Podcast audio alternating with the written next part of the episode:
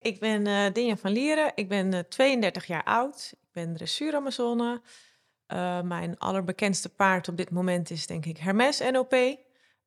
daarnaast mijn tweede Grand Prix paard is Hartsuiker. voorheen heb ik verschillende toppaarden gereden.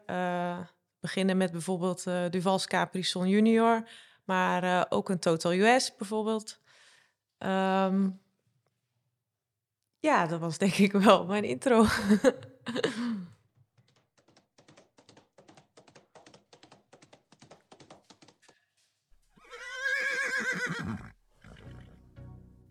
Podcast De Tweede Hoefslag. Leuk dat je kijkt of luistert naar weer een nieuwe aflevering van onze podcastserie De Tweede Hoefslag. En vandaag zijn we in Ude bij Dinja van Lieren thuis. Uh, Dinja, leuk dat we mogen zijn. Ja, tuurlijk. Graag gedaan. Want woon je hier fantastisch? Ja, dankjewel. Ja, ik ben ook super blij mee. Het is een heel mooi plekje. Het is een mooi huis. We hebben stallen aan huis. En uh, ja, ik zit hier wel helemaal op mijn plek, ja. En mooi ingericht? Allemaal jouw smaak? Uh, ja, dat is zeker wel mijn smaak. Ik heb het niet zelf ingericht, want uh, dat kan ik absoluut niet. Heb ik helemaal geen verstand van. Uh, ik weet dus wel wat ik leuk vind, maar ik kan het allemaal niet echt bij elkaar opzoeken, zeg maar. Dus ja, dat heb ik laten doen. Kijk, kijk. En je woont hier ook niet alleen, want er loopt hier van alles rond. ja, het is, uh, het is hier net zo'n dierentuin inderdaad. Ja. Ik heb uh, twee honden en uh, vier katten. de meeste katten lopen wel op stal, maar ik heb er eentje ook hier in huis. Kijk, en als mensen op de achtergrond iets horen, dan is het de hond die met speeltjes druk in de weer is. ja, klopt. Hij doet er nooit wat mee, maar als er dan iemand anders is, dan wil hij al zijn speeltjes even laten zien. Ja, ja leuk. Um, we beginnen de podcast altijd met een, dezelfde vraag. En dat is, weet jij nog jouw eerste ontmoeting met een paard? nou ja, de eerste ontmoeting weet ik denk ik niet helemaal meer precies. Ik weet wel wanneer de eerste ja, serieuze ontmoeting zeg maar was. mijn broers deed aan motocross. En we hadden daarbij een sponsor. En bij die sponsor thuis stonden drie paarden. En ja, daar zag ik ze voor het eerst echt een soort van dichtbij. En dat ik echt dacht, oh wauw. En ik denk wel dat je kan zeggen dat het echt liefde op het eerste gezicht was. Want ja, ik vond het meteen te gek. En ik was meteen helemaal verliefd. En ik wilde echt nooit meer bij ze weg. En ja, ik weet wel dat daar heb ik echt de liefde voor paarden gekregen, ja. Dat was basisschooltijd? ja, ja, ik was zes toen, denk ik. Oh ja. Ja, jong. Ja, en toen meteen naar de manege gegaan of hoe ging dat? Ja, toen, ja, toen was ik daar. Dat was wel een soort. Ja, ik deed altijd die paardjes een beetje poetsen. En ook met die meiden die daar reden, deed ik dan meekijken. Of we gingen ooit wel eens op buitenrit en zo. Vond ik heel erg leuk. En um, ja, toen ben ik samen met mijn opa naar de manegeles gegaan. Heb tien manegelesjes gekregen. Maar ja, omdat ik eigenlijk al gewend was om met hun naar buiten te gaan en op buitenrit te gaan met die andere paarden, vond ik de manegeles echt uh, heel erg saai. En dan weet ik nog wel dat ik op een Shetlander moest en die moest natuurlijk achteraan in het rijtje aansluiten. En ja, dat ging, het ging zo langzaam. Ik vond er eigenlijk niks aan. Dus ik deed dan stiekem met mijn zweepje, gaf ik hem even een tikje aan de buitenkant als de juf even niet keek. En dan ging het heel hard. En zei ik, oh, oh, oh. En dan kom, nog harder. Ik vond het heel saai. Dus... Um, ja, we hadden tien lesjes gedaan. En uh, ja, ik had uh, gewoon de allerliefste opa. En die heeft uh, toen voor mijn zevende verjaardag de pony gekocht. Waar ik dus op reed al bij die mensen thuis, zeg maar. En ehm, ja, vanaf toen, vanaf mijn zevende, heb ik dus echt iedere dag paard gereden. Oh, gaaf. En hoe kwam dat met jouw opa dan? had, had hij ook paarden of hoe, hoe ging dat? Nee, mijn opa had eigenlijk helemaal niet. Um, mijn oma is best wel vroeg overleden. En mijn opa die ging eigenlijk altijd alles samen doen met mijn oma. Die gingen heel veel op vakantie, ja, overal naartoe. En uh, ja, toen mijn oma natuurlijk wegviel, ja, was dat voor mijn opa best wel, ja, was natuurlijk een heel moeilijke periode eigenlijk. En ehm, ja, toen is dat eigenlijk een beetje een soort bij elkaar gevallen. En hij vond het toen wel leuk om mee te gaan naar de manege. En toen dacht hij, nou weet je wat, ik koop die pony. Dat was eigenlijk al een oudere pony, dus het was ook niet per se een dure pony. Maar ik denk, ik koop die pony en dan, ja, hij heeft daar denk ik ook een beetje een soort zijn projectje van gemaakt. Om iedere dag samen met mij naar de pony te gaan. En uh, ja, hij vond het ook super leuk. Op een gegeven moment deed hij allerlei klusjes daar op die manege. Dan stond hij heel de dag de hecht te snoeien en de bak te slepen. en weet ik het allemaal niet. Ja, hij, vond, hij heeft daar echt wel uh, hele dagtaken eigenlijk een soort van gemaakt. Dus uh, ja, voor hem was het ook eigenlijk een hele leuke oplossing, zeg maar. Ja, dus jouw opa was daar eigenlijk ook best belangrijk in voor jou dan? Ja, heel belangrijk. Ja, het allerbelangrijkste. Als, uh, als ik mijn opa niet had gehad, dan uh, had ik ook niet uh, gereden, denk ik. Of zeker niet waar ik nu was. Nee, die heeft dat absoluut heel erg gestimuleerd. En ja, met, met opa kon en mocht altijd alles, zeg maar. Ja, het was niet dat ik hele dure ponies of paarden kreeg. Of ik had ook zeker geen grote vrachtwagen of wat dan ook. Maar ja, ik had wel tien verschillende dekjes. En uh, ik, ik, mocht op, eh, op les en uh, naar wedstrijden. En uh, ja, die opa heeft wel altijd, is ook altijd overal met me naartoe gereden. Dus ja, dat is zeker een hele belangrijke factor, ja. Ja, en jouw ouders dan, hadden die iets met paarden? Wat, in wat voor gezin ben je opgegroeid? nee, nou, ja, mijn vader dus echt ehm, met, met, met motoren. En, en mijn broers die deden dus motocross. Dus dat was echt, ja, mijn vader ging altijd mee daar naartoe. En was dat niks voor jou? Nee, ja, ik weet eigenlijk ook niet zo goed waarom. Maar ik ging wel vroeger altijd mee ook naar de motocross. Ik vond het ook echt te gek. En ik uh, zwierf daar hele dag uh, rond, of ja, hele weekenden. Mijn broers deed ook echt wel uh, op hoger niveau, zeg maar. Oké, toen nog wel bij de jeugd natuurlijk. Maar dan gingen we echt weekenden naar uh, Spanje of uh, Polen of uh, weet ik het wat. Ze gingen echt overal naartoe ook. Ging ik altijd mee, vond altijd leuk. Maar ik heb eigenlijk nooit een seconde gedacht om ook te gaan rijden. En ik denk, ik weet niet of mijn vader het ooit voor heeft gesteld. Ik denk het eigenlijk helemaal niet. Nee, dat was echt voor mijn broers. En uh, mijn moeder vond paarden altijd wel heel erg leuk. En ik weet ook wel, in het begin was ze eigenlijk bijna een soort jaloers dat ik wel uh, een pony had, zeg maar. En uh, later heeft ze zelf ook een paard gekocht. Maar mijn moeder doet gewoon alleen maar recreatie. Dus gewoon lekker buiten rijden en alleen maar buitenritten. En dat vindt zij gewoon het allerleukste. Nog, nog steeds? Ja, ja, nog steeds. Ze heeft nog steeds een eigen paard waar ze dus wel iedere dag ook buitenritten mee doet, ja. Gaan jullie dan ook wel samen? Nee, niet, want ja, ze woont natuurlijk in Zeeland. En uh, ja, ik vind natuurlijk toch gewoon de dressuur en de sport het leukste. En uh, zij zegt, nou, ik snap niet uh, dat je al die rondjes in die bak kan rijden. Dat is toch zo saai? Ja. ja, ja.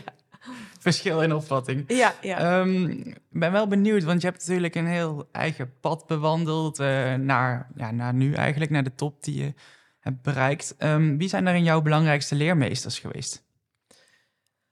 Uh, nou ja, verschillende denk ik. Ik heb, um, ik denk dat ook wel een belangrijk is, is dat uh, vroeger um, op stal met die ponies kreeg ik uh, altijd les van de eigenaar van stal. Dat was Albert Vermu, maar dat was vooral springles. En ja, daar heb ik wel ook echt wel toch wel een beetje die handigheid van geleerd van, van, van, het, van het rijden van ponies was het vooral. En ik deed ook met hem paardenzadelmak maken. Ik deed in het weekend eigenlijk altijd op stal werken. En in ruil daarvoor mocht ik dan uh, helpen met paardzadelmak maken, zeg maar. Dus uh, ja, hij eh, bond mij overal op vast. Het was altijd wel veilig hoor. Het was ook wel echt, die vertrouwde ik ook echt helemaal 100%. En dan wist ik als hij me op dat paard zette, dan kwam het ook goed. En dat kwam ook altijd goed. Maar goed, deden ze ook al soms een, een paardje zadelmak maken en zo. Vond ik wel heel erg leuk om te doen. En um, later ben ik uh, toen bij uh, Mieke Evertsen gaan lessen. Dat was de dressuur. En ik denk, daar heb ik nog steeds ook wel echt dingen van. Zij is, um, denk ik, een beetje nonchalant en zij pakt dingen heel op een simpele manier aan. En dat probeer ik ook nog steeds wel te doen. En heb ik zelf ook nog steeds wel in mijn lessen, zeg maar. En um, ja, zij heeft een hele ja, soort simpele kijk op paardrijden, wat het, wat het ook een soort een stuk eenvoudiger maakt. En dat uh, vond ik altijd heel, uh, heel fijn, heb ik al, toch altijd wel uh, heel veel aan gehad. En um, ja, daarna ben ik dus bij, bij Hexagon gaan rijden natuurlijk. Mm -hmm. Dus ja, heeft Tamar me uiteraard veel geholpen. En, en Leunes ook. Van Leunes heb ik ook heel veel geleerd. En toen, tot die tijd had ik eigenlijk alleen maar zo BLMZ gereden. En ja, toen ik echt bij Leunes ben gaan rijden, ben ik ook echt subtop gaan rijden natuurlijk. Dus ja, daar natuurlijk veel meer uh, wissels, uh, pirouettes, piafpassage. Ja, daar had ik voor die tijd natuurlijk nog helemaal nooit, kwam ik nog niet eens bij in de buurt, zeg maar. En um, dat heb ik wel echt van Leunes en ook Tamar en ook Laurens natuurlijk. Want dat was wel vond ik wel heel fijn. Bij Hexagon was er wel een soort sfeer dat iedereen hielp elkaar. Dus ook een Janine Nieuwenhuis, die reed daar toen de tijd. Weet je, ik keek ook wel eens mee met Janine en Janine hielp mij ook wel eens. En dat was best wel een hele prettige uh, ja, leeromgeving, zeg maar. Omdat we iedereen hielp elkaar wel eigenlijk daar. En ja, dan kon je ook wel van iedereen wat leren. En um, ik denk, Leunus was wel altijd uh, wel streng voor mij. maar ja, ik denk ook wel... Had je het nodig? Ja, dat, ik denk het wel. Want ik, ik, ja, ik word wel beter van een schop onder mijn kont, zeg maar. En uh, als je ik denk ook wel als je misschien uh, te lief of zo tegen me bent, ik denk, oh ja, het gaat, het gaat wel goed. En, en Leunis, die was ook zeker voor een wedstrijd echt niet lief. Echt dat hij dan uh, best wel, dan had ik echt wel pittige les. Ik echt dacht, nou, doe ik echt niks goed. Maar daardoor was ik dan toch wel heel scherp de volgende dag, weet je. Want dan, was, dan wilde ik mezelf zo erg bewijzen en zo erg dat ik dacht van, nou, ik kan het wel hoor. Ja, ik werd daar wel heel scherp van. Dus ik vond het toen af en toe wel eens niet leuk. Maar misschien was het voor mij wel de beste aanpak. Want ik, ja, ik werd daar wel echt uh, uh, beter van. En ik weet nog heel goed, de lunch had altijd een scheurkalender. En dan hadden we een keer, dat was helemaal eigenlijk een beetje aan het einde. En dan stond er op zo'n dag, stond er altijd zo'n spreuk. En dan stond er, wrijving brengt glans. En die heb ik toen ook aan Leunis laten zien. En toen zei ik, nou, dit zijn wij wel een beetje eigenlijk, zeg maar. Maar ja, daar heb ik wel, ja, heb gewoon onwijs veel van geleerd. Vooral echt uh, proeven rijden en, en, en echt hè, proefjes afwerken en de oefeningen. Alle oefeningen, ja, tot en met Grand Prix heb ik daar natuurlijk wel echt geleerd. En, en ook wel, ja, echt een paard africhten tot Grand Prix. Dus dat, dat heb ik daar zeker wel, uh, ja, wel geleerd en uh, dat gebruik ik nu nog steeds iedere dag. Um, Verder heb ik daarna toen ook uh, bij Edward Gal gelest. Mm -hmm. Ja, dat is, daar leer, ja, dat is natuurlijk zo'n perfectionist en zo uh, precies en echte puntjes op de i. En uh, ja, dat, dan konden we soms al een uur bezig zijn met alleen al hoe ik door een hoek moest rijden, zeg maar. Weet je, ja, dat vond ik ook altijd heel mooi. Daar werd ik ook wel altijd heel erg door geïnspireerd. Want dat is ja, gewoon heel verfijnd of zo was dat, vond ik. later heb ik ook bij Diederik gelest. Uh, daar heb ik ook wel, uh, denk ik, van geleerd. Ook wel had ik wel een keer een wat lastiger paard en zo. Daar heb ik ook wel door hem mee om leren gaan. Weet je, hoe je dan het handigste eh, kan zijn en hoe je daarin handig wordt, zeg maar. En nou ja, uiteindelijk natuurlijk uh, Riki, ja, de, de, zeker gewoon echt dat laatste stukje heb ik echt wel samen met haar gedaan. Hè, met, met een Hermes en een haute couture en ook een hartsuiker naar de Grand Prix. En toch nog net dat stukje extra uit je paard kunnen halen. Ook dat stukje extra beter communiceren met je paard. En uh, Riki is gewoon echt een, een, een vakvrouw, gewoon echt als in echt een paardenmens, zeg maar. En daar um, toch wel echt nog een stukje beter het paard leren begrijpen, zeg maar. Ik denk dat dat wel echt een stukje van Riki is, ja. Je hebt wel uit veel kanten iets kunnen meepikken, denk ik, of niet? Ja, zeker, absoluut. En uh, ja, er zijn natuurlijk ook nog veel meer uh, mensen geweest waar je dan toch inderdaad dingen van, van, van oppakt. Maar ik denk iedereen heeft zijn goede dingen. En uh, ja, ik denk dat je van iedereen kan leren. En ik denk dat je ook vooral voor iedereen open moet staan om te leren. Want dan uh, word je beter. En tuurlijk zeggen ook wel eens mensen iets tegen je waarvan ik denk van... nou, daar kan ik nou eigenlijk net niks mee. Maar um, ja, je moet gewoon kijken ja, wat je van iedereen kan leren. En ik heb vroeger ook dus van Leunis geleerd dat die zei altijd, ja, op school mag je niet afkijken, maar je kan bij, bij paardrijden kan je het beste afkijken. Je kan niet beter leren dan afkijken. En dat is inderdaad ook wel. Ook naar andere mensen kijken en hoe ze dingen doen en hoe ze dingen oplossen of bij het losrijden. Of, uh, ja, ik vind het ook mooi om naar iemand anders te kijken en dan te zien van, oh ja, dat is best wel knap hoe ze dat doen of zo. Dat, dat ja, vind ik ook leuk. Naast wie zou jij dan in de klas willen zitten om bij te kunnen afkijken? Nou ja, bij, bij iedereen. Ik zou iedere dag naast iemand anders gaan zitten dan, denk ik. Weet je, ja, je, wat ik zeg, je kan van iedereen wat leren. En als je van iedereen kleine dingetjes mee kan pikken, ja, dan, daar word je denk ik beter van. Ik vind het ook wel heel belangrijk dat je ook altijd je eigen gevoel blijft volgen. Je moet ook niet proberen om één op één iets over te nemen van een ander.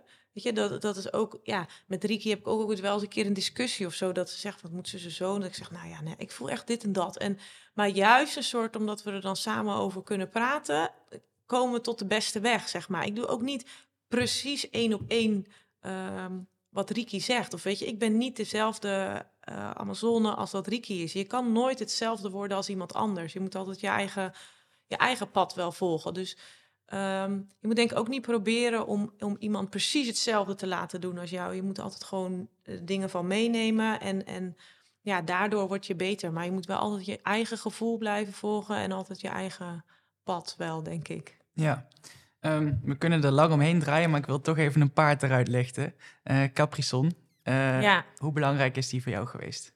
Heel erg belangrijk. Ja, dat is uh, de liefde van mijn leven, denk ik.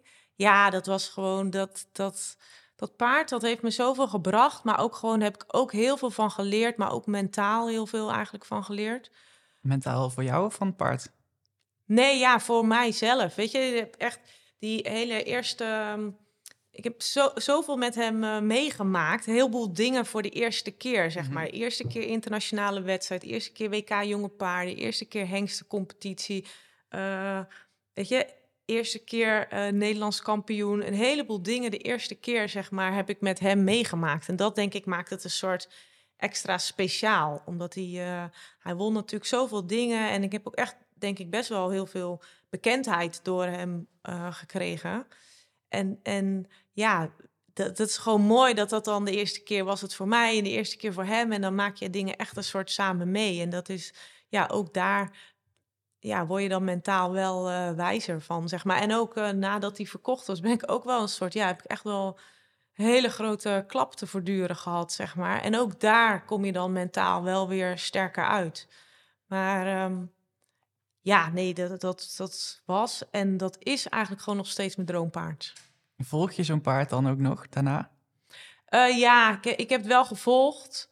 Um, ja, en weet je, ik, ik ben niet snel jaloers op iemand anders paarden. Maar ja, ik, ik ben wel uh, jaloers op uh, Laura, die daarmee reed. En dan dacht ik... Ja, weet je, ik, dat vond ik echt altijd heel moeilijk om te zien. Om, om haar ermee te zien rijden. En ik weet uh, ze zorgt er super goed voor en ze zijn er heel goed voor. En hij zag altijd top uit. En weet je, dus dat paard ontbreekt het aan niets. Alleen, het is gewoon mijn vriendje, weet je. En dat is niet leuk om, om die met een ander uh, meisje te zien lopen. Dus um, nee, ja, ik vond het altijd heel moeilijk. Ik volgde het wel een beetje, soort met een schuin oog. Maar ja, heel eerlijk kon ik het eigenlijk een soort niet echt aanzien. Nee, ja, wat je zei, toch je eerste echte liefde dan wat dat betreft. Uh... Ja, dat, dat, dat paard, dat gaf me gewoon zo gaaf gevoel. Ook dat, dat was ook denk ik het eerste paard die ik echt een soort, een soort zo'n tweede draf mee kreeg. Die had eigenlijk een heel simpel gewoon drafje. En toen ging ik daar een beetje een soort mee sleutelen. Ik dacht van ja, hij moet iets spectaculairder draven, want dit is een beetje een te simpel drafje. En toen ging ik een beetje een soort mee prutsen en prutsen. En toen deed hij een paar keer zo, eh, of deed hij echt een soort drie grote passen. En zei ja, goed zo, braaf. En toen dacht hij echt meteen, oh, oh, moet ik dat doen? Oh, nee, maar dan kan ik het ook twintig rondjes lang. En dan bleef hij gewoon zo... Ja, als ik dan in de spiegel keek, dan kreeg ik gewoon vlinders in mijn buik. Dat ik dacht, wauw, hij is zo geweldig. En ook gewoon, ook gewoon daarnaast, op, op de poetsplaats. Weet je, hij was altijd, als hij dan op me stond te wachten, dan stond hij heel rustig te wachten. En hij zag me en dan, dan volgde hij me overal naartoe. En ja, god, ik, ik wist precies van, oké, dat snoepje, dat eet hij wel. Dat snoepje, dat moet hij niet. Ik wist precies hoe hij overal op reageerde. En ja, dat, dat was gewoon echt, uh, echt mijn maatje. Ik kon daar echt mee lezen en schrijven. Dat paard was ook gewoon zo slim. En, en, en ja, op de goede manier dat hij dat echt uh, uh, ja, voor me gebruikte, zeg maar. Ja, dat, dat, ja, ik vond dat paard gewoon waanzinnig, ja. Ga je dan niet ook alle paarden daarmee vergelijken? Ja, en dat vond ik in het begin ook echt moeilijk. Want ja, ja, heel gemeen gezegd, dacht ik echt in het begin, ja, in vergelijking met Capri zijn alle andere paarden stom. Ja. Dacht ik gewoon echt. En slecht. ja, nou ja, weet je, die, die mening heb ik echt al wel weer bijgesteld. Want ja, nu heb ik ook weer gewoon super fijne paarden. En dat is alleen, ja, in het begin, ja, dat is natuurlijk ook een soort uh, verdriet wat je dan hebt. Maar dan dacht ik echt van, ja, Capri die was zo slim en die pakte alles zo snel op. En dan had je iedere dag een goed gevoel. Waar had je nooit één slechte dag, zeg maar. En, en ja, weet je, met een ander paard heb je dan toch wel gewoon meer strubbelingen. Je komt met ieder paard wel een keer wat tegen. Met hem ben ik nooit iets tegengekomen, zeg maar, wat moeilijk was. Dus, dus ja, dat, dat vond ik in het begin echt heel erg moeilijk. En inderdaad, je gaat, hem dan, je gaat die andere continu vergelijken met, met hem. En eh, ja, gelukkig nu inmiddels eh, kan ik dat echt wel goed achter me laten. En eh, ja, heb ik gewoon meer fantastische paarden. En ja, ben ik daar wel ook echt een soort overheen gegroeid, zeg maar. Maar in het begin vond ik dat wel heel erg moeilijk, ja. Ja. Ehm, eh, ik heb een stelling voor je. Ehm, want ja, we zitten in de podcast De Tweede Hoefslag, dus maken we wat stellingen. Ehm, naast het paard moet ook de ruiter topfit zijn. Ja, dat denk ik wel. Ja, absoluut. Eh, ja, ik ben eh, niet iemand die eh, drie dagen in de week ook nog naar de sportschool gaat en zo. Ook eigenlijk niet één dag in de week. Maar ehm, ja, weet je, ik kan wel van mezelf zeggen dat ik fit ben. Ik heb wel gewoon een sportief lijf en, en ik heb wel goede motoriek. En eh, ehm, ja, weet je, zeker ook als een paard een keer een vreemde beweging maakt. Ik, ik zit makkelijk mee en ik kan ook makkelijk in het zadel blijven zitten. Maar ja, ik, ik merk ook wel ooit. ehm, ja, bijvoorbeeld eigenlijk was het van de week hadden bijvoorbeeld eh, klanten voor, voor een paard. En, en eh, ja, dat, je zag dat vrouwtje was gewoon niet eh, fit genoeg zelf, zeg maar. En, en je ziet dan toch, ehm, gaat dan een beetje stuiteren in het zadel, vervolgens een beetje hangen aan de teugels, weet je. En dan, oef, ook dat vind ik dan alweer meteen een soort moeilijk om te zien, zeker op mijn eigen paarden. Dat ik dan denk van ja, dan gaat ze zo'n paard gebruiken omdat ze eigenlijk niet de eigen balans heeft en eigenlijk niet zelf goed genoeg kan zitten. Ja, zo iemand, dan zou, ja, vind ik wel echt, echt wel veel meer in de sportschool moeten zijn om eerst te werken aan je eigen balans voordat je een, een paard wil af gaan richten, zeg maar. Dus ik denk eh, dat het belangrijk is, zeker belangrijk is dat je fit bent. Ook als je fit bent, zit je gewoon je paard duidelijk minder in de weg. En eh, dat is denk ik een beetje wat we, waar we naartoe moeten. Of hè, waar, waar, wat, wat ik ook nog steeds probeer, mijn paard zo min mogelijk in de weg te zitten. En eh, ja, daarvoor is het zeker wel belangrijk dat je fit bent, ja. Ja, want Leunis van Lieren ook, eh, die zei dus eh, ooit van dankzij haar postuur past Dinja mooi op bijna ieder paard. Ja, nou ja, dat heeft ook, met, eh, ook wel met lengte en zo te maken natuurlijk. Ik ben wel denk ik net een, eh, een een goed maatje om op ook een wat groter paard te passen, maar ook nog wel op een kleiner paard te passen. Als je natuurlijk wat, wat klein bent, dan, dan ziet het altijd een beetje gek uit op een groot paard. En als je lang bent, dan kan je natuurlijk niet zo makkelijk op een, klein paard.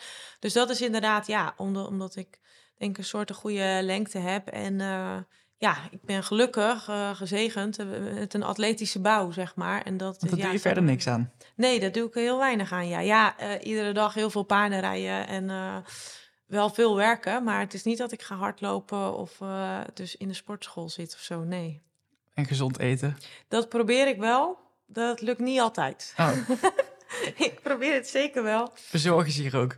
Ja, nee, nee, nee. Ik moet echt voor mezelf zorgen. En ehm, ja, ik, ik probeer wel eh, aan te denken om echt wel goed groente te eten en fruit. En eh, ja, ik probeer daar best wel eh, mijn best in te doen. Maar ja, ik moet ook zeggen, het schiet er ook wel eens bij in. Want dan heb je toch gewoon eh, weinig tijd. En eh, ja, om dan iedere avond te gaan koken, dat eh, lukt me ook niet echt helemaal. Dus ehm, probeer ik wel. Ja. Ja. En de volgende stelling is, eh, dankzij Joop van Uitert zit ik nu hier. Mm, nou, zi- zit ik nu hier? Eh, ja. weet, weet, ik, weet ik niet. Ik In denk deze niet- positie in je leven. ja, Niet per se op deze hier. stoel. Nee, niet hier zo eh, per se in Uden. Maar ehm, nee, ja, absoluut. Ook dat is, natuurlijk een grote bijdrage geweest. Kijk, hij heeft natuurlijk... eh, ik heb verschillende hele goede paarden gereden. Niet alleen maar een Hermes en een Haute maar ook eh, bijvoorbeeld een eh, Geniaal. En in het begin ook een Chivago bijvoorbeeld. eh Vogribal, die... Total US natuurlijk. Gewoon heel veel verschillende goede paarden. Ik heb daar wel echt meteen mooie kansen gekregen. Ik ben na Hexagon daar natuurlijk begonnen. Voor halve dagen dan in de week. En eh, ja, heb ik gewoon vanaf begin af aan eh, ja, allemaal eh, goede paarden gehad eigenlijk. Waar ik altijd wedstrijden mee kon rijden. En ehm, ja, het is natuurlijk fantastisch dat zo'n paard als Hermes... dat die gewoon dan kan blijven. En dat heeft Joop ook echt geregeld, zeg maar. Die heeft, die heeft echt ervoor gezorgd dat hij eh, behouden kan blijven, zeg maar. En ja, nu hebben we natuurlijk als doel Parijs. Mhm. Dus ja, dat is, dat is zeker natuurlijk eh, dankzij Joop, absoluut. Maar ook een, een haute couture, Mary, die natuurlijk heeft ook gewoon super goed gedaan. En die heeft hij toch ook eh, heel lang aangehouden eigenlijk. Uiteindelijk is hij natuurlijk wel verkocht. Maar goed, eh, had ook al veel eerder verkocht kunnen zijn. Dus ehm, Want kun je eens kort vertellen hoe jij met Joop terecht bent gekomen. Hoe is dat tot stand gekomen? Uh, nou ja, eigenlijk door voor Garibaldi. Ik weet dat ik toen um, met uh, Capri reed toen Hengste competitie. En toen had ik uh, Etoile, geloof ik, ook in de. En ja, die reed dan nog bij, bij Leunes. En um, ja, ik denk dat Joop dat ja, toen op was gevallen of zo. En toen had hij de Hengst voor Garibaldi dan eerst bij, bij Leunes, zeg maar, in training. Zodat ik die kon gaan rijden. Dus die ben ik uh, daar zo gaan rijden. En uh, ja, zo ben ik eigenlijk een beetje in contact gekomen dan uh, met Joop. En ik weet nog heel goed dat ik toen dus met Vogribaldi een keer Hengst show moest rijden daar zo. En toen kwam ik dus bij Joop dat terrein oprijden. Toen dacht ik, wauw. Jeetje, die stal en de, in die oprijlanen, dat ziet er natuurlijk super spectaculair uit. Toen dacht ik echt, wow. En toen uh, zei ik eigenlijk een soort uh, voor de grap een beetje tegen Joop van zo, nou jeetje, waar kan ik solliciteren? Oh ja, dat mag wel toen. En toen is het eigenlijk, ja, daar op dat moment natuurlijk niet echt iets mee gedaan. Maar toen heb ik toch een soort altijd gedacht van, oh ja, dat is, zou misschien best wel een soort optie kunnen zijn, zeg maar. Dat heb ik toch altijd uh, in mijn achterhoofd gehouden. En um, ja, later dus toen, toen Capri verkocht werd... Um, ja, toen, toen had ik op Hexagon zoiets van: oké, ik, ik wil gewoon iets anders. En dat, dat lag eigenlijk helemaal niet aan Leunens, want die had eigenlijk niks te maken met die, met die verkoop. Alleen ik moest daar iedere dag langs die lege stal. En ik, ik kreeg echt een soort dat ik dacht van: um, het is nu toch tijd voor iets anders of zo. Ik heb er toch wel. Uh, ja, omdat ik het daar heel moeilijk mee heb gehad, ga je over allerlei dingen nadenken. Ik zat er eigenlijk altijd prima naar mijn zin en ik, ik, uh, ik had daar niks te klagen. Maar toen, ja, toen heb ik er wel een soort uh, over nagedacht van... ja, is dit dan wat ik dan tot mijn 65ste ga, ga doen hier zo? Of ga ik toch een keer iets anders doen? Dus ja, toen um, er heel lang over nagedacht. Toen dacht ik, ja, ik ga denk toch maar voor mezelf beginnen. Alleen ik wilde ook niet in één keer helemaal voor mezelf beginnen. Want ik, en dat zie ik nu, denk ik, nog met een heleboel jonge meiden misgaan... Uh, die springen in het diepe en die denken van oké, ik wil voor mezelf beginnen, want ja, dan verdien je net natuurlijk een paar euro meer als dat je bij iemand in dienst bent. Maar ja, je bent toch gewoon afhankelijk van goede paarden. En als jij zomaar als meisje zijnde voor jezelf gaat beginnen, niet iedereen gaat zijn goede paard in één keer bij jou neerzetten natuurlijk. Dus je bent toch afhankelijk, denk ik dan, van zo'n grote stal. Bijvoorbeeld tussen een hexagon die een, hele batterij aan paarden en, en, en goede paarden heeft staan. Maar of bijvoorbeeld ja, dat, wat ik dus heb gedaan, is dat ik dus halve dagen bij Joop van Uitert ging rijden. Weet je, ik, ik was dan toch een soort verzekerd van uh, goede paarden. Ik reed dan vijf, of, soms ja, ik heb zes. Ik heb denk ik ook een tijdje zeven paarden per dag bij hem gereden. Maar ja, voor mijn gevoel was ik dan wel een beetje daar verzekerd van dat ik goede paarden had, waar ik mee op wedstrijd kon ook. En dan daarnaast hè, ben ik begonnen met uh, ja, het, stukje voor mezelf en dat ik, uh, dat ik bij mij thuis ook verschillende goede of ja, verschillende paarden heb. Alleen ja, dat worden dan vanzelf betere, maar dat daar kan je niet in één keer mee beginnen, zeg maar. Dus ja, toen uh, ja, heb ik dus met Joop uh, gepraat en uh, die zag dat wel zitten. En ja, daardoor ben ik dus daar toen halve dagen begonnen. Ja, hoe zou je Joop omschrijven? um, jeetje, dat is een moeilijke vraag. Joop is onwijs gedreven. heeft een hele vlotte babbel. Die, ik kan iedereen omver lullen, mij ook hoor meermaals gebeurd ook. En um, ja, ik denk ook wel, uh, ja, hij heeft wel echt verstand van een paard. En hij, hij, hij ja, hij kan dat wel zien uh, als, als een jong paard ziet, ziet lopen. Ik heb ook ooit wel eens een keer een beetje, ja, een soort gelachen om zijn enthousiasme dan. Maar ook bijvoorbeeld bij een Hermes, die was in het begin echt nog niet zo heel makkelijk. En toen, de allereerste keer dat ik ging kijken, uh, zei hij, ja, ik denk dat het echt een Grand Prix paard is. En toen zei ik, nou, Joop, er zit nog wel een beetje werk in, denk ik. En toen moest ik eigenlijk een soort om lachen. Maar hij heeft er altijd zo vol vertrouwen in gehad... dat dat echt een heel goed Grand Prix paard werd. En ja, ik kan er niet anders dan respect voor hebben... dat ik dan denk van ja, oké, okay, je had wel toen al gelijk. En toen zag ik ook wel de kwaliteiten van het paard. Maar ja, ik dacht ja, koekoek, er moet nog wel even wat uh, gebeuren. Maar ja, dat is wel heel mooi van Joop. Als hij iets ziet in een paard, dan kan iedereen ook zeggen dat het niet zo is. Maar hij ziet dat dan gewoon en ja, hij is heel volhardend daarin. Denk, en hij, is, hij heeft ook ja, binnen no time een soort zijn oordeel uh, daarover. En dan denkt hij van ja, dat wordt hem of dat wordt hem niet. En ik heb dan ook ooit wel eens gehad dat bij een paard vindt hij dan helemaal niks. Die is dan een soort ook meteen afgeschreven. Ik dacht van, nou, hij is nog helemaal niet zo stom. Nee, dat is niks. Ja, hij is heel korte metten, zeg maar. Maar ja, juist ook zeker voor iemand in de handel alleen maar goed natuurlijk. Want ik uh, ben eerder een beetje een twijfelkont, denk ik. Maar ja, ik vind het altijd wel uh, mooi om te zien ook, ook hoe hij omgaat met klanten en zo. Weet je, ja, dan... Uh, ja, het is wel mooi om te zien hoe die ook iedereen onder tafel lult, zeg maar. Vind ik toch altijd wel grappig. Ja, ja, want je zei van met Hermes, dat was nog niet zo makkelijk in het begin. Um, je hebt hem volgens mij ook wel eens een clown, uh, clowntje genoemd met streken en zo. Heb je er ook vaak naast gelegen? Nee, ik heb er niet zo vaak naast gelegen. Ik denk precies één keer eigenlijk. Oké. Dus ja, dat, dat valt eigenlijk alles mee.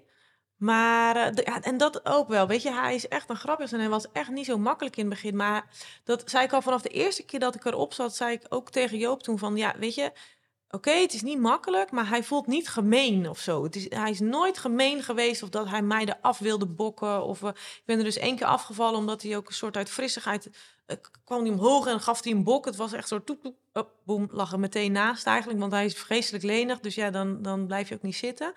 Maar ja, ik heb ooit ook wel eens gehad dat hij dan ook uit frissigheid ging bokken. Maar op het moment dat je dan een beetje naast zat, dan stopte die ook eigenlijk wel. Weet je, hij heeft nooit, nooit gemeen geweest of zo. En dat is wel uh, wat ik toen de eerste keer al voelde. En eigenlijk ook altijd ook zo is gebleven.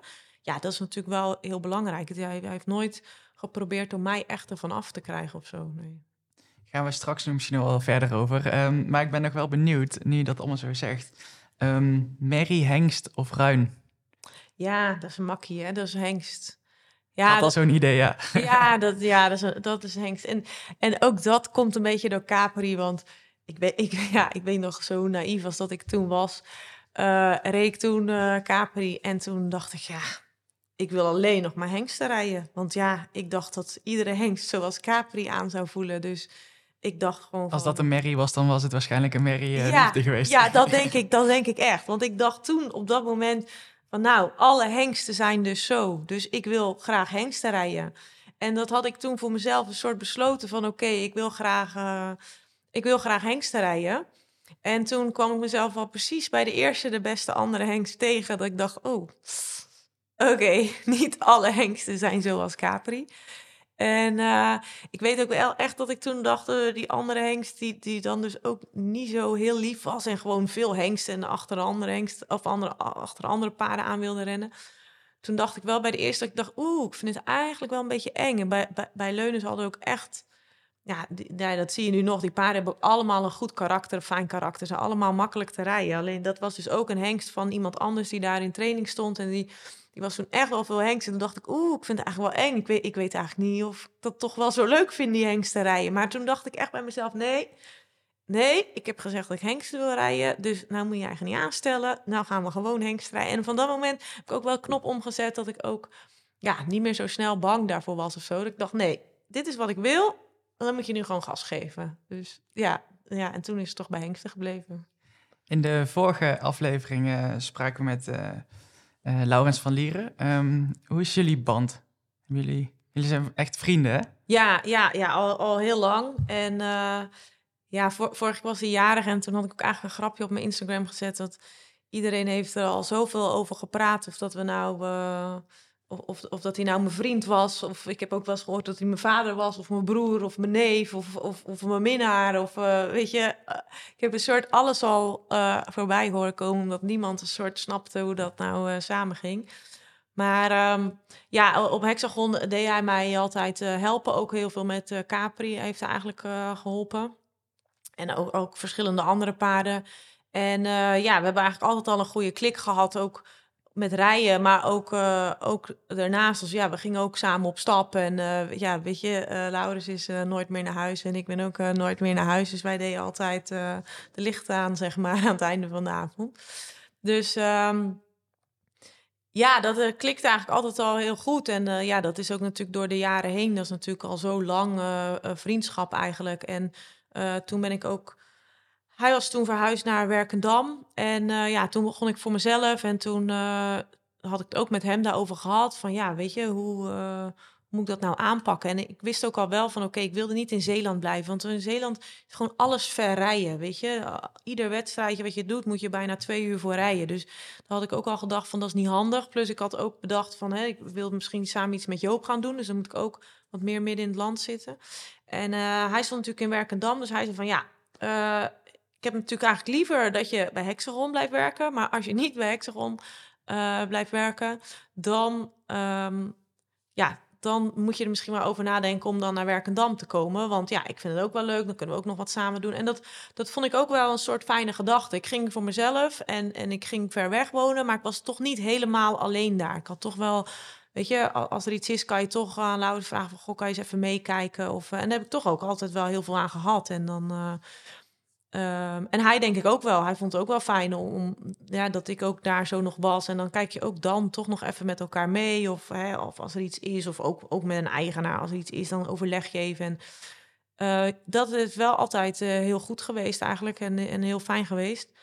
En um, daarna ben ik toen huis naar Hardingsveld. En vervolgens naar Uden. En um, ja, toen is Laurens ook... Uh, verhuisd naar Nuland. Dus die, ja, eerst naar Schaik was het en toen uh, naar Nuland. En dat is ook hier zo dus uh, vlakbij. Dus ja, we zitten nu denk ik op een kwartiertje afstand of zo. En uh, ja, we hebben nog steeds heel veel contact. En natuurlijk met de Venda ook erbij. En ja, in het weekend dan gaan we vaak wel wat doen. Ook met een heel groepje natuurlijk. Maar ja, dat is wel echt een hele, een hele hechte vriendschap, ja. Hij heeft een vraag voor je. Oh jee. Ja. Oh jee. Maak je borst maar nat. ja. Ja, Dinja.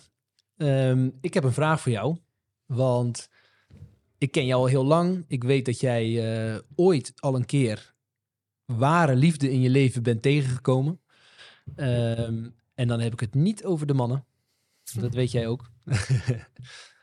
uh, die ware liefde was een hele knappe zwarte hengst gena genaamd Capricon Junior. Uh, en mijn vraag is, heb jij al een tweede liefde gevonden in je leven? Met andere woorden, misschien is het Hermes, het kan heel goed zijn. Misschien is het hartsuiker. Uh, maar misschien zijn er ook paarden verderop in de pijplijn, hè, die nog wat jonger zijn op dit moment, waarvan je zegt, ja, ware liefde, dit wordt hem voor uh, de toekomst. Ik hoor graag van jou of jij al uh, een nieuwe liefde op het oog hebt. ja.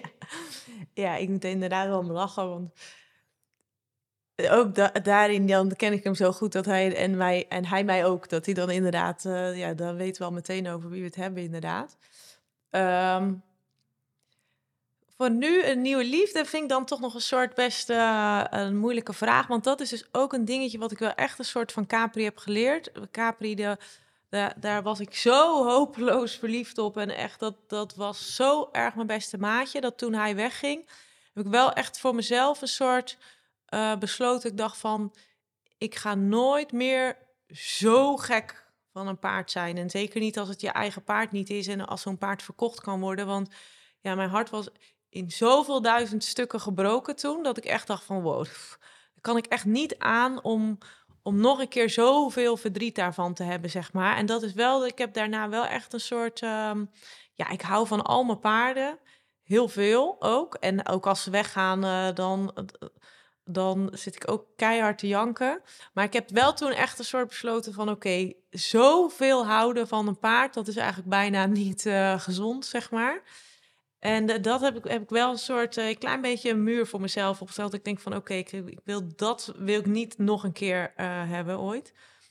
Maar ja, ik moet wel zeggen, ik heb nu wel met een Hermes... heb je natuurlijk inderdaad zoveel meegemaakt... en ook je band op zo'n op zo'n internationaal concours wordt zoveel sterker. Want je, je, je bent natuurlijk continu dag in dag uit dan even met dat ene paard bezig. En uh, je bent er heel veel bij in stal. En, en uh, het is één op één aandacht natuurlijk eigenlijk heel de tijd. Dus zo'n band wordt wel steeds sterker en sterker. Dus ja, op het moment is zeker uh, Hermes wel echt wel mijn grote liefde. En ook echt hartsuiker. Want ja, ze hebben allebei een heel ander karakter. Maar hartsuiker is ook echt die heeft ook echt, uh, zei mijn groep zelf vorige keer ook van, zei ja, al jouw paarden hebben echt zo'n karakter, maar uh, ja, jij maakt dat ook, dat karakter, zeg maar. Weet je, ik, ik vind het ook heel belangrijk dat die paarden een eigen karakter hebben, zeg maar. Dus Dus ehm, Net als dat honden een beetje op hun baasjes lijken. ja, nou ja, het, het hoeft niet eens echt dat ze. Het is niet eens echt dat ze op mij lijken. Maar ik vind het gewoon heel belangrijk dat het. Dat, dat zo'n paard een eigen mening heeft en, en een eigen karakter. Wat Zeg maar. meegeeft, ja. Ja, dat, dat, dat vind ik gewoon heel leuk. En die paarden hebben ook allemaal een eigen karakter. En ik denk inderdaad ook wel dat ik dat eh, stimuleer. Ja. En dat, ehm, ja, inderdaad, een, een hartsuiker hou ik echt heel veel van. Want dat is zo'n lief, dat is echt zo'n schatje. En die wil zo graag zo goed doen. En dat is, ja, dat is echt gewoon een dotje, zeg maar. Dat is echt een poepie. En, en Hermes is gewoon, ja, een- een zo'n, ja, die noem ik altijd een stout spookje, weet je. Dat is gewoon zo'n brutaal aapje, maar dat, dat zie je gewoon al aan zijn hoofd. Dan heeft hij zin om te spelen en dan eh, trekt hij zo dat stoute hoofd. En ja, daar kan, ik gewoon ontzettend van houden, omdat ik, die is ook heel vrolijk altijd. En die heeft altijd goede zin en eh, ja, die, die vindt alles leuk. En ja, wat je hem ook geeft, daar is hij een soort happy mee. En eh, ja, ik vind het, eh, ja, wat ik zeg, ik vind het gewoon belangrijk dat zo'n paard zijn eigen karakter heeft. En daar hou ik dan heel erg van, ja. Dus eh, dat is zeker een Hermes en een hartsuiker. Maar ja, ik heb ook wel echt een eh, favorietje. En dat is, dat is Vita Di Lusso, die nu in de liggetour loopt. Ja, dat is ook helemaal mijn maatje. Dat is ook zo'n lief paard. En die, die, die om op te zitten, het is gewoon een soort een machine. Dat ik denk van, jeetje, hoezo ben jij zo slim? Van de week was ik hier in de buitenbak aan het rijden... en ik had eigenlijk nog nooit echt zigzag in galop met hem geoefend. Dus ik denk een keer naar links en wissel en denk een keer naar rechts en een wissel. En ik nou weet je wat, ik ga gewoon een keer proberen 3 6 6 6 3 te rijden. En hij doet het gewoon in één keer en dan ja, ga ik daar stappen en dan ook een soort van vlinders in mijn buik. Dat ik denk, jeetje, ben jij zo slim? Ben jij zo... Ja, daar kan ik echt onwijs gelukkig van worden dan op dat moment. Dat ik dan denk van, jeetje, dat paard is zo slim en die pakt dingen zo snel op. En dan, ja, dat is als ruiter geeft dat gewoon zo'n gaaf gevoel. Dat, dat zo'n paard een soort meedenkt of zo, weet je. Dus ja, Vita is ook wel echt eh, mijn favorietje. Ja, daar ben ik ook echt heel gek van. Dat is Laurens. Zeker. Ja, ik denk dat hij dat wel een beetje weet. En dat heb ik al wel vaker gezegd, inderdaad. Eh, ja, dat, ja, dat is gewoon echt een paard voor de toekomst. En eh, ja, dat, vanaf begin af aan zei ik al wel van... oké, ja, die eh, vind ik wel echt, echt heel erg leuk, ja. Ja. Hoe is de band met alle eigenaren? Is dat, eh, is dat moeilijk om dat te onderhouden of hoe, hoe doe je dat? Ja, ik vind dat wel moeilijk. Het is wel ook een extra taak als ruiter die je hebt om, om goed met eigenaren om te gaan. En dat is zeker niet het makkelijkste. En ik heb ook zeker niet altijd makkelijke eigenaren gehad. En ehm, dat is dus ook moeilijk als je voor jezelf begint. Heb je gewoon met heel veel verschillende eigenaren te maken. En je moet heel veel ballen hoog houden. En ja, dat, dat, dat lukt gewoon niet altijd. En je kan niet altijd iedereen tevreden stellen. En, wie, wie ja, waar zorg je dan voor wie wel tevreden is en, en wie dus ontevreden gaat zijn op zo'n moment? En dat vond ik best wel heel erg moeilijk. En ik moet wel zeggen dat, oké, tuurlijk, als je dan ehm, ja, beter wordt of, of meer naamsbekendheid krijgt en eh, meer paarden aangeboden gekregen krijgt, dan, dan kan je er allemaal iets kritischer in zijn en dan kan je daar iets, eh, iets meer in selecteren. Ik zeg ook vaak genoeg van, nou ja, weet je, die paarden is allemaal nog niet zo lastig, maar al die eigenaren erbij, dat is wat het lastig maakt. En oké, misschien is dat ook wel iets van mezelf, dat ik denk van, eh, ja, weet je, ik kan zelf ook beter zijn in communiceren. Ik ben gewoon heel, ik heb heel erg tunnelvisie en ik ben heel erg met mezelf en met die paarden bezig. En ik vergeet daar dan soms eventjes ehm, om een eigenaar een berichtje te sturen, weet je. Ik kan dus echt bijvoorbeeld met zo'n Vita. Nou, nu heb ik dan toevallig naar een filmpje van gestuurd. Maar dan, dan ben ik zo intens gelukkig met dat paard. En denk oh, wat is hij toch fantastisch. En dit dat. Maar dan, op dat moment moet je dan ook even een filmpje maken. En dan naar een eigenaar sturen. En zeggen, oh, kijk eens hoe fantastisch je het doet. En ik ben soms zo dan, ja, met dat paard bezig. En met, met mezelf bezig. Dat ik dan even vergeet om te zeggen tegen die eigenaar van... hé hey joh, ik ben echt heel blij met je paard. En je paard doet het heel goed, weet je. Dus dat is wel iets... ehm, wat misschien ook wel een van mijn mindere kwaliteiten is, denk ik. Wat ik dan eh, soms moeilijk vind en waar ik dan echt over na moet denken van... oh ja, dat moet ik niet vergeten. Maar wat ik nu wel heel erg fijn heb, is dat ik eh, minder verschillende eigenaren heb dan eerst. Ik rijd nu natuurlijk eh, de meeste paarden eigenlijk voor racing. En, eh, en daar kan ik gewoon heel goed mee. En eh, ja, die communicatie is goed. En, en, en ja, dat is gewoon makkelijker. Dat je meer paarden van één dezelfde eigenaar hebt. En dan oké, heb ik natuurlijk Hermes eh, voor Joop. En dan heb ik nog dan twee andere paarden die dan van andere eigenaar zijn. Maar ja, de, weet je, de, het, het groepje is heel klein en dat is wel een stuk makkelijker dan dat je ja, allemaal verschillende eigenaren tevreden moet houden. Ja, want eh, jij neemt ook geen blad voor de mond op social media. Soms Ja. zet je er nog wel eens wat op. Eh, hoe gaat dat dan eh, in jouw hoofd? Ja, nee, ja, ik ben ja, toevallig van de week ook inderdaad. Nee, ja, we- ja, ik ben denk ik wel altijd eerlijk en recht door zee. En ehm, ja, ik denk, mensen kunnen veel van me zeggen, maar ik ben wel altijd eerlijk. En ik heb er een hekel aan om... Ik, ben, ik, ik heb een hekel aan om dingen achter mijn rug om te horen. Of, of, of, ik heb ook een hekel aan om achter iemand anders zijn rug om over iemand te praten, zeg maar. Weet je, ik heb, denk liever zeg het dan gewoon eh, in je gezicht. Daar ben ik zelf ook gewoon meer van. En eh, ja, weet je, op social media, het is zo makkelijk tegenwoordig om alles maar af te zeiken. En, en ruiters zijn niet goed genoeg, de paarden zijn allemaal stom, juries kunnen er nooit wat van. Het is, weet je, het ligt altijd aan iedereen, zeg maar. En, en een heleboel mensen die kijken niet naar hunzelf. Maar, en, en dat vind ik soms, ja, daar heb ik soms dan moeite mee. En een heleboel dingen laat ik ook gewoon gaan, want ik, ik heb er hekel aan om, om ook op, op social media heel tijd te gaan zitten rellen of zo. Daar heb ik helemaal geen zin in en ook helemaal geen tijd voor. Alleen soms dan denk ik even van ja, nu kan ik gewoon eigenlijk even niet mijn mond houden. En dan, dan zie ik een soort zoveel onzin bij elkaar. Waar gewoon, weet je, het, het klopt gewoon niet. Je kan zo makkelijk op social media iets roepen en dan is dat ook maar waarheid. Maar dat, dat, dat is gewoon helemaal niet, het slaat gewoon nergens op. En ja, af en toe kan ik dan inderdaad eventjes niet mijn mond houden. En dan, eh, ja, dan, dan moet ik toch met mijn grote mond iets, eh, iets typen. En dan denk ik, ja, ik wil toch inderdaad eventjes gewoon eigenlijk ook zeggen en een, soort duidelijk maken hoe het gewoon echt is en hoe dingen echt gaan. En eh, ja, op, op social media krijg je heel vaak een heel vertekend beeld. En daar heb ik soms wel een beetje moeite mee, ja.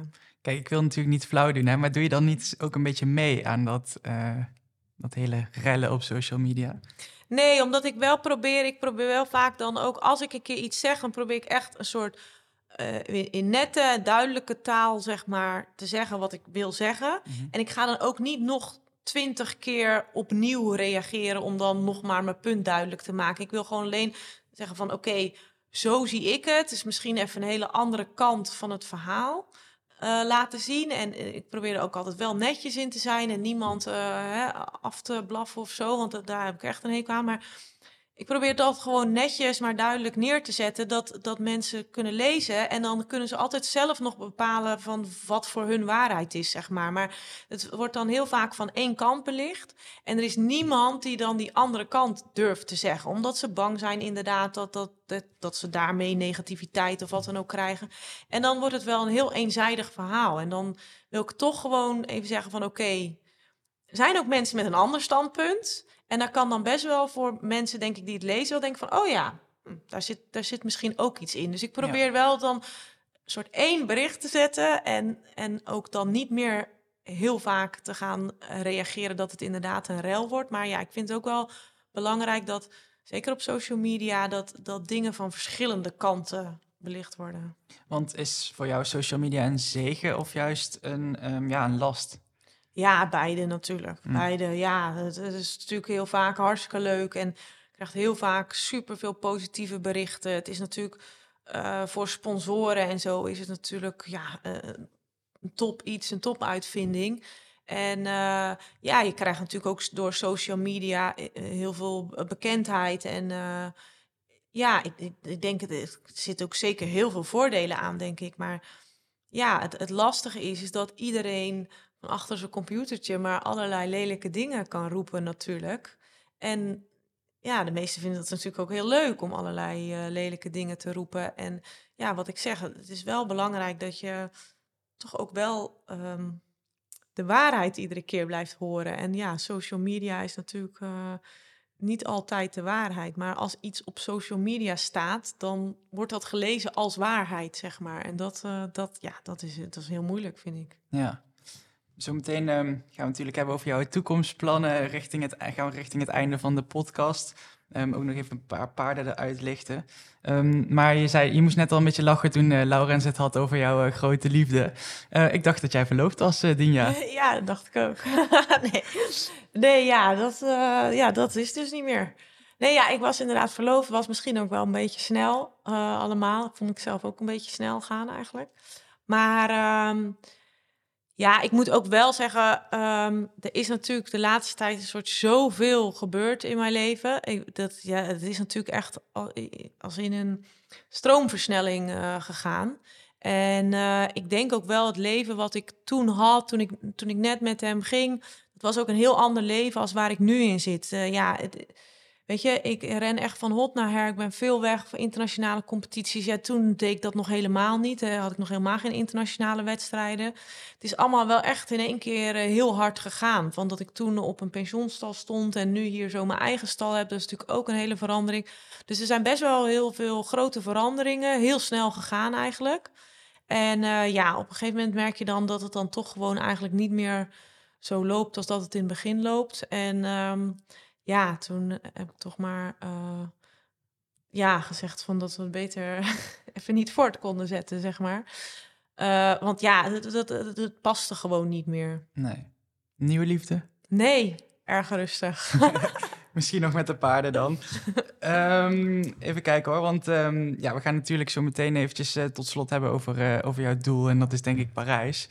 Um, maar nog heel eventjes kort, 2021. Was dat de grootste rollercoaster uit jouw leven?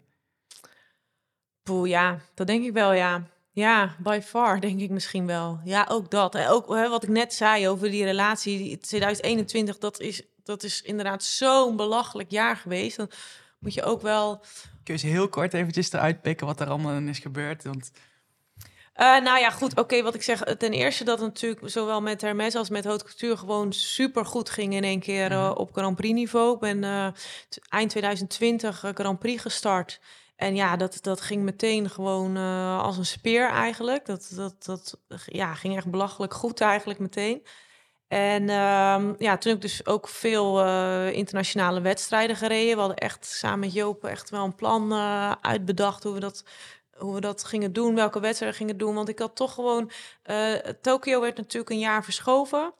En toen dacht ik, oké, het is misschien hoog gegrepen, maar ik denk het kan. Het, het, zou gewoon kunnen. Ik denk, ik heb gewoon twee supergoeie paarden die eigenlijk alles kunnen. Ik zou niet weten op wat voor onderdeel ze slecht moeten scoren. Dus ik dacht, weet je, uh, we gaan er gewoon vol voor eigenlijk. En nou, ja, natuurlijk ook samen met Ricky echt wel een plan uitgestippeld. Heb echt we zijn echt al ingegaan gewoon. We zijn echt gewoon alle grote wedstrijden gereden inderdaad. Naar, naar München, naar Hagen. Dat we eigenlijk misschien als gekken daar naartoe gingen van... wat ga je daar in hemelsnaam zoeken? Ik heb uit meerdere kanten gehoord van... Uh, ja, wat, wat denkt zij daar nou eigenlijk te gaan doen, weet je wel? We hadden echt gewoon grote plannen. We zijn al ingegaan. Ricky is altijd op iedere wedstrijd erbij geweest. En uh, veel les gehad. We hebben echt veel samen gedaan. We ging echt al in, zeg maar. En um, ja, eh, eh, kwartjes vielen gewoon de goede kant op en het lukte eigenlijk allemaal. Het NK was natuurlijk heel mooi dat, dat, uh, dat ik daar derde werd. Dat was natuurlijk al, al te gek eigenlijk. En uh, ja, toen leek het er allemaal eigenlijk gewoon heel goed uh, voor te staan, zeg maar. Ja, en toen kwam natuurlijk, uh, nou ja, eerst eigenlijk, moet ik eigenlijk zeggen, tijdens het NK lag mijn opa heel slecht. En die is na het NK eigenlijk heel vlak daarna overleden, een paar dagen later. Dus oké, dat was wel echt ook een hele heftige klap. Heb ik het heel moeilijk mee gehad. En dan gaat het in je carrière super goed. Maar dan, ja, dat is natuurlijk echt ja, ik weet niet, dat, dat streept dan alles in één keer even weg of zo, weet je. Als hij dan overlijdt, dan... Uh, ja, dat vond ik echt heel, heel moeilijk eigenlijk. Maar omdat je zo in die wedstrijden zit, dan ga je eigenlijk maar door en door en door natuurlijk. Dus oké, goed, dat was al heel erg lastig. En daarna, toen kwam natuurlijk het hele verhaal met dat ik in één keer gebeld werd... Um, door Joop was dat, van uh, ja, uh, of hij stuurde een foto van het paspoort van, van Hermes. Uh, Zie jij wat hier fout is, zei hij. Zie wat hier fout is? Nee, weet ik veel. Ik snap er niks van. wat zeg je nou? Ja, toen belde hij dus op. Hij zei, ja, het is dus een fout, want er staat dus ehm, er staat G, GER voor Germany. En ehm, ja, en, en dat kan niet dus voor de Olympische Spelen. Ja, dat, is dus, eh, dat, dat moeten ze dan eh, gaan veranderen. In het begin waren we nog best wel positief van ja, oh, ja foutje, oké. Ja. En uiteindelijk kon het e- echt, echt niet. Nee, uiteindelijk kon het natuurlijk echt niet. En eh, ook zeker Joop heeft daar echt ook nog voor geknokt met advocaten en al. Omdat toch dan, eh, weet je, het was ook gewoon meteen vanaf het begin duidelijk dat het niet onze fout was waardoor het is gegaan.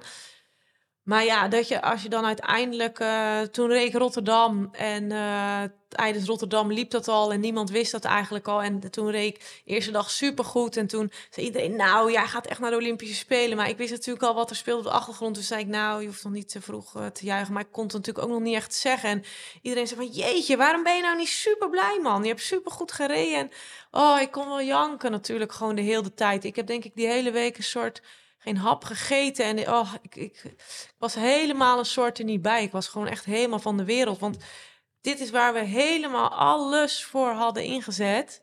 En dat is dan gewoon in één keer weg door iets wat je... Ja, ja, we hadden het beter moeten controleren. Ja, ik heb daar nooit één seconde bij stilgestaan... dat dat paard in één keer Duits geregistreerd kon staan. Eh, ik wist sowieso helemaal niet echt van het hele issue af... dat je dan precies voor de vijftiende geregistreerd moest zijn. Op hetzelfde had ik er verder nog heel nooit van gehoord eigenlijk. Ja, jullie kwamen ook net pas echt omhoog, hè? Ja, ja. En ja, eh, zeker eh, eh, een paard wat gewoon een Nederlandse eigenaar heeft, weet je, Ja. dan, dan weet je daar ook niet van af, van zo'n regel, zeg maar.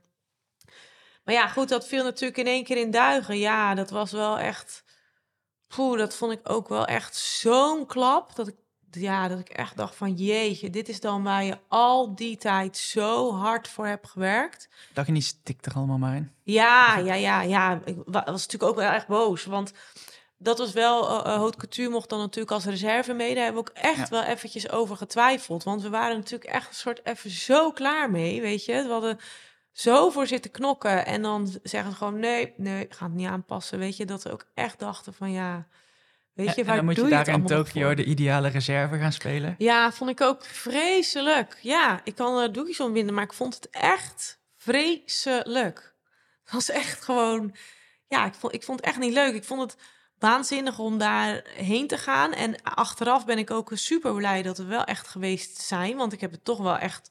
Ja, ook wel weer van geleerd en, en dingen gezien. En ik heb super veel inspiratie eh, opgedaan. Echt, zeker. Dus ik ben absoluut blij dat ik geweest ben. Maar, en, en weet je wat ook al was, als zeg maar Hermes er niet was geweest en als ik echt zeg maar eh, met haute reserve was geworden, dat dat echt het hoogst haalbaar was, was ik daar met alle liefde heen gegaan. Maar omdat ik natuurlijk weet van ja, mijn beste paard staat eigenlijk op stal thuis. En dan zit ik hier zo. Plus, ik vond ook echt nog gewoon heel eerlijk dat ik dacht van haute kan daar ook gewoon lopen. Die, ik, ik, ja, ik dacht gewoon zij, als zij hier loopt, gaat het helemaal rocken. Zij was daar iedere dag zo in bloedvorm en zij liep zo goed. En dan, ja, ik, ik, ik wilde gewoon niks liever dan daar rijden. Ik echt, ja, ik was, ik was geen eh, leuke reserve, denk ik. Nee, ik vond het echt, ja, ik vond het echt heel erg moeilijk. Maar je om, hebt daar eh, niet zitten muiten of zo. eh.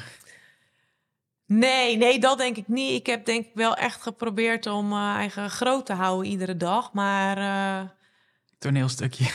Ja, nou ja, ja, wel een beetje. Ja, als ik daar dan op die tribune zat, goh, dat knaagde gewoon aan me. Dat ik denk van, oh, ik wil, ik wil gewoon zo graag binnenrijden. Dus ja, ik vond dat echt, eh, ja, ik ben heel blij dat ik geweest ben. Maar ja, heel eerlijk, ik vond het echt heel erg moeilijk, ja. Goede ervaring. En daarna eh, kwam natuurlijk het EK, was het hè? Ja, en dat is denk ik ook wel wat er natuurlijk dan ehm, misschien ook wel van heb geleerd. Ik, ik kreeg daar natuurlijk zoveel motivatie. En ik dacht daarna echt van, nou, iedereen kan echt stikken. Want nou is het echt mijn beurt gewoon. Dat was een En- hele harde schop onder je kont dan. Ja, echt. Echt. Ja, echt. Ik heb het daar natuurlijk inderdaad in Tokio twee weken lang zo op zitten vreten. En eh, met Ricky echt hard getraind daar zo. En daarom gingen we ook echt met haute couture naar het EK. Omdat we gewoon ook echt wilden bewijzen van... Weet je, kom allemaal maar op. Want ook niet alleen Hermes, ook haute couture was daar gewoon in topvorm, zeg maar. En dat, ja, zo drammerig en streberig als dat wij dan allemaal zijn, Riki en, en, Joop en, en ik, wilden we dat gewoon echt even bewijzen daar op het EK. Zo van, ja, en hè, Alex wilde ook misschien wel liever Hermes, maar we zeiden nee, we gaan echt 100%, het wordt haute couture op het EK. En dat is echt omdat wij iets te bewijzen hadden, zeg maar. En nou ja, goed, oké, ik denk dat we dat daar ook hebben gedaan. Want ja, haute liep daar natuurlijk echt fantastisch en, en mooie scores. En uh, ja, dat, dat, was natuurlijk te gek. En, en uh, die week daarna Aken met, met Hermes, ja, dat, dat, ja, dat was ook te gek. Het was wel echt, ik ben heel, heel blij dat, uh, dat zo'n EK en dan dat Aken daar heel, heel vlak achterna zat, hè, na, die, na Tokio. Want dat, dat heeft me wel echt heel veel goed gedaan. En dat heeft me wel echt, dat was wel een hele grote pleister op de wond, moet ik zeggen. Toen kon ik wel echt Tokio ook veel sneller achter me laten, denk ik. Want toen hadden we echt even zo met alle twee die paarden zo. Echt zei van zo, dit, nu hebben we ons echt even bewezen. En dat, dat gaf wel echt een heel goed gevoel. Maar niet veel later was Haute Couture ook weer verkocht, toch? Ja. Hetzelfde ja. jaar? Ja, ook nog hetzelfde jaar, ja. Ja, Rob. Ja, nee. Ja, het was ook heel moeilijk. Oké, okay, uh, daar is Joop altijd heel eerlijk in geweest, moet ik zeggen. Uh, ja, uh, Mary is hartstikke leuk, maar op een Henkstation heb je daar verder vrij weinig aan natuurlijk. we hebben daar ook nooit... Uh, of ja, we hebben, hebben wel ooit een keer... Ja, ik zie geloof ik ook wel nog een keer een veuletje gehad. Maar we wilden haar ook niet heel tijd spoelen of zo. Weet je, we hebben echt ingezet voor de sport. En we wilden ook nog niet die Mary belasten met iedere keer spoelen. En... Um, uh, dus ja, verder snap ik dat het voor Joop natuurlijk wel van mindere waarde is om dan een Mary aan te houden. Plus ja, je hebt dan ook al een Hermes. Dus goed, daar is Joop altijd wel eerlijk in geweest van oké, okay, de, de, de, Mary gaat wel uh, verkocht worden. En oké, okay, snap ik ook, begrijp ik ook. Het is natuurlijk luxe positie om twee van die paarden te hebben. ja, ik moet wel zeggen, oké, okay, er zijn ook verschillende klanten geweest dat ik dan dat ik dacht, oh, ik hoop echt niet deze hoor, want dat vond ik echt ook dan weer, ja, je vriendinnetje met iemand anders te zien, vond ik oh, ja. heel moeilijk. Maar ik moet wel echt zeggen, ik had meteen vanaf het begin met Catherine zo'n lief vrouwtje en echt zo ook lief voor haute en, en ook heel vriendelijk voor mij en ook echt um, heel, heel, heel prettig mens.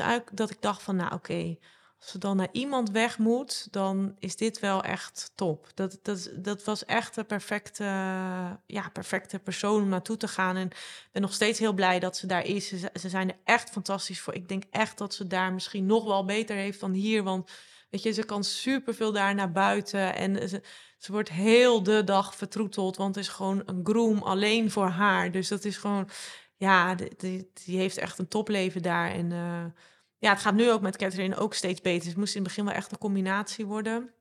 Ze is ook nog een tijdje hier terug geweest en, en heeft Catherine ook hier getraind en, en ook de Mary nog gereden. Maar ook daarin stond ze heel erg open en wilde ze heel erg van mij leren. En zeg maar, oh, maar hoe heb jij dat dan gedaan? En we hebben best wel veel gebeld en heel, echt heel fijn mens. Dus oké, okay, ja. we hadden geen beter, beter uh, Amazone voor haar kunnen vinden, denk ik. Nee, fijn. En nu uh, is het nog een jaar tot uh, Parijs, ja, iets meer dan een jaar. um, wat is het plan? Hoe, hoe, ga je daar naartoe? Wat is jouw planning? Ja, met ja. Hermes? Ja, dat is, dat is, weet je, nu, nu is het nog best wel lang dan tot uh, Parijs natuurlijk. Want ja, hij is natuurlijk. Je bent er nog niet mee van... bezig, wil je zeggen? Nou, nou, ik heb niet echt per se dat we zeggen van oké, okay, we gaan die, die, die en die wedstrijd doen tot aan Parijs. Nee, zover zijn, we, zijn we er nog niet mee bezig. Maar voor dit jaar wel? Ja, voor dit jaar. Kijk, tuurlijk, uh, we zijn natuurlijk nu bezig met die wereldbekerwedstrijden. En uh, dit jaar focussen we eigenlijk gewoon vooral op het EK natuurlijk. Mm -hmm. Uh, dat is denk ik het belangrijkste waar we op focussen. En ik denk dat gewoon uh, het belangrijkste is om Hermes uh, fit en fris te houden. Dat hij, het, dat hij het leuk vindt en dat hij er zin in blijft hebben. En, dus ook niet naar de hengstenveiling was het, hè? De nee, de hengstekeuring. Nee, ja. nee. Weet je, ook dat. Hè? Kijk, hij had net een week Amsterdam gelopen. Gewoon ook echt heel goed gelopen. Het belangrijkste bij Hermes is natuurlijk toch dat hij gewoon de ontspanning vindt in die baan. En ja, Den Bosch binnenrijden met heel het publiek op zijn kop daar zo op de, op de tribune. Dat is niet echt ontspanning natuurlijk. En de ene die kan het veel beter handelen dan de ander. Ik zag daar die Glamourdale, ja, die, die groeit daar alleen maar van. Die geeft daar echt totaal helemaal niks om. Dus dat is echt, ja, dat, dat voor hem, hij heeft daar helemaal niks van geleden, zo'n Glamourdale. Dat, dat, dat zie je gewoon, die, die heeft dat top daar zo gedaan. Maar ook die, weet je, die zetten ze ook wel heel spaarzaam in. Je ziet wel dat Glamourdale niet alle wedstrijden loopt, weet je. Daar zijn ze ook gewoon zuinig ja. op. En dat proberen wij wel met Hermes ook. En zeker nu, kijk, hij kan al die oefeningen, kan die al goed genoeg. Dus zeker als hij een wedstrijd heeft gehad, ja, dan zijn we echt wel twee weken gewoon echt een beetje met hem aan tutten bellen. En een beetje rondjes buiten en een beetje draven galopperen. Maar dat hij gewoon weer echt wel echt zijn rust, zijn herstel heeft. En uh, ja, daarna pak je hem weer een beetje meer op. Maar um, ja, die training is eigenlijk niet meer zo intensief als dat we eigenlijk hadden ja, toen dat hij nog geen Grand Prix reed. Ja, dan moest hij eigenlijk harder werken dan nu, zeg maar. Wereldbekerfinale?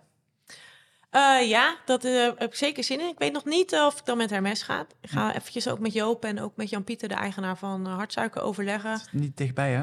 Nee, het is niet dichtbij. Het is best wel ver weg. Het is natuurlijk een eentje vliegen. Amerika, hè? Ja, ja. en um, ja, ook dan zijn ze toch wel weer eventjes weg. En je moet ook wel kijken in het seizoen wat dan, wat dan het beste past, zeg maar. En um, ja, ik ga even gewoon met allebei die eigenaren overleggen. Ik wil heel graag naartoe.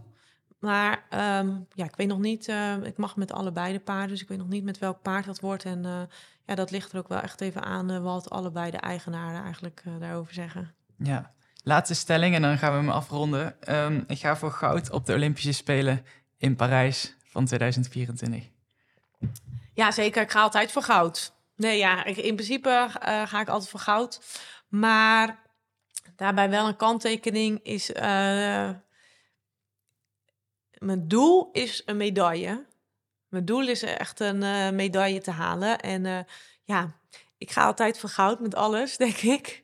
Maar um, uh, nee, ja, ik, ik vind wel een, een medaille, ja, dat, dat is toch wel echt mijn doel. En dat zou ik ook vervelend vinden, zeg maar, als het dan niet lukt. En ook dat is heel erg hoog gegrepen natuurlijk. Maar, en welke kleur vind ik dan toch minder belangrijk, denk ik. Dankjewel voor je tijd ja, graag gedaan. Leuk dat je keek of luisterde naar deze podcast. Vond je hem nou leuk? Abonneer dan op ons podcastkanaal en beluister ook onze andere podcasts. Ja, de, de ochtend dat ik moet rijden, dan ben ik echt, dan, dan, wil je mij niet tegenkomen. Dan ben ik echt één wrak. Het zegt alleen maar, ik wil naar huis. Waarom doe ik dit? Ik vind het niet leuk. Eigenlijk mijn eerste reactie was nee, dat ga ik echt, echt niet doen. Waarom? ja, omdat het natuurlijk zo eigenlijk toen, dacht ik toen, het tegenovergestelde was, hè, Rien en Edward. Het was zelfs zo, als ik naar school ging, middelbare school zat ik in Zeist. En dan kwam je op maandagmorgen op een gegeven moment op splitsing. En dan rechts was naar Zeist en links naar Utrecht. Mm -hmm. Dan ging ik naar Utrecht, naar de paardenmarkt. Dus dan spijbelde ik altijd op maandag tot natuurlijk de leraren begonnen te klagen. En dan zei ik tegen mijn vader en moeder, ik zeg, ja, ik kon er gewoon echt niks aan doen, want mijn fiets ging gewoon die richting op. En zo voelde het gewoon voor mij. Dus... Waarschijnlijk drukt hij me dan gewoon weg. hij heeft je nummer, hè? Dus, uh... Ja, daarom. Zo gauw hij uh, mijn nummer ziet, dan is het uh, weg dat ding. Ja. Heb je tot je 65ste doen wat je al 20 jaar gedaan hebt. Want ik zit al 20 jaar in dit bedrijf, bij wijze van spreken. Nou, volgens mij... Dit is een ander, hoor. willen de honden wat meer aandacht. Snap je wel dat die regel er zeg maar is? Of? Nee. Nee. Echt totaal niet. Ik heb een keer met de KNS gebeld. Maar ik denk dat wij als hele paardenwereld wel heel erg op moeten letten dat we de buitenwereld niet laten dicteren wat wij doen. Maar als ik het gevoel heb, dat is het goede dat je dat zegt. Als ik het gevoel heb, nou ben ik hier aangenomen als bondscoach en ik fungeer alleen maar als chef de keeper, mag ze rondrijden naar het hotel en terug en ik, of organiseren. Mm. Nee, dat is niet, dat, niks is met te min hoor, maar dat is, mijn, dat is mijn ambitie niet. Ik hoop dat ik je zo een beetje heb kunnen laten zien waar ik mee bezig ben en wat ik allemaal doe in het leven. En uh, ik hoop dat je het leuk vond om uh, te luisteren. In ieder geval hartstikke bedankt voor het luisteren en wie weet tot ziens. Bedankt voor het kijken yes. of luisteren. Ja.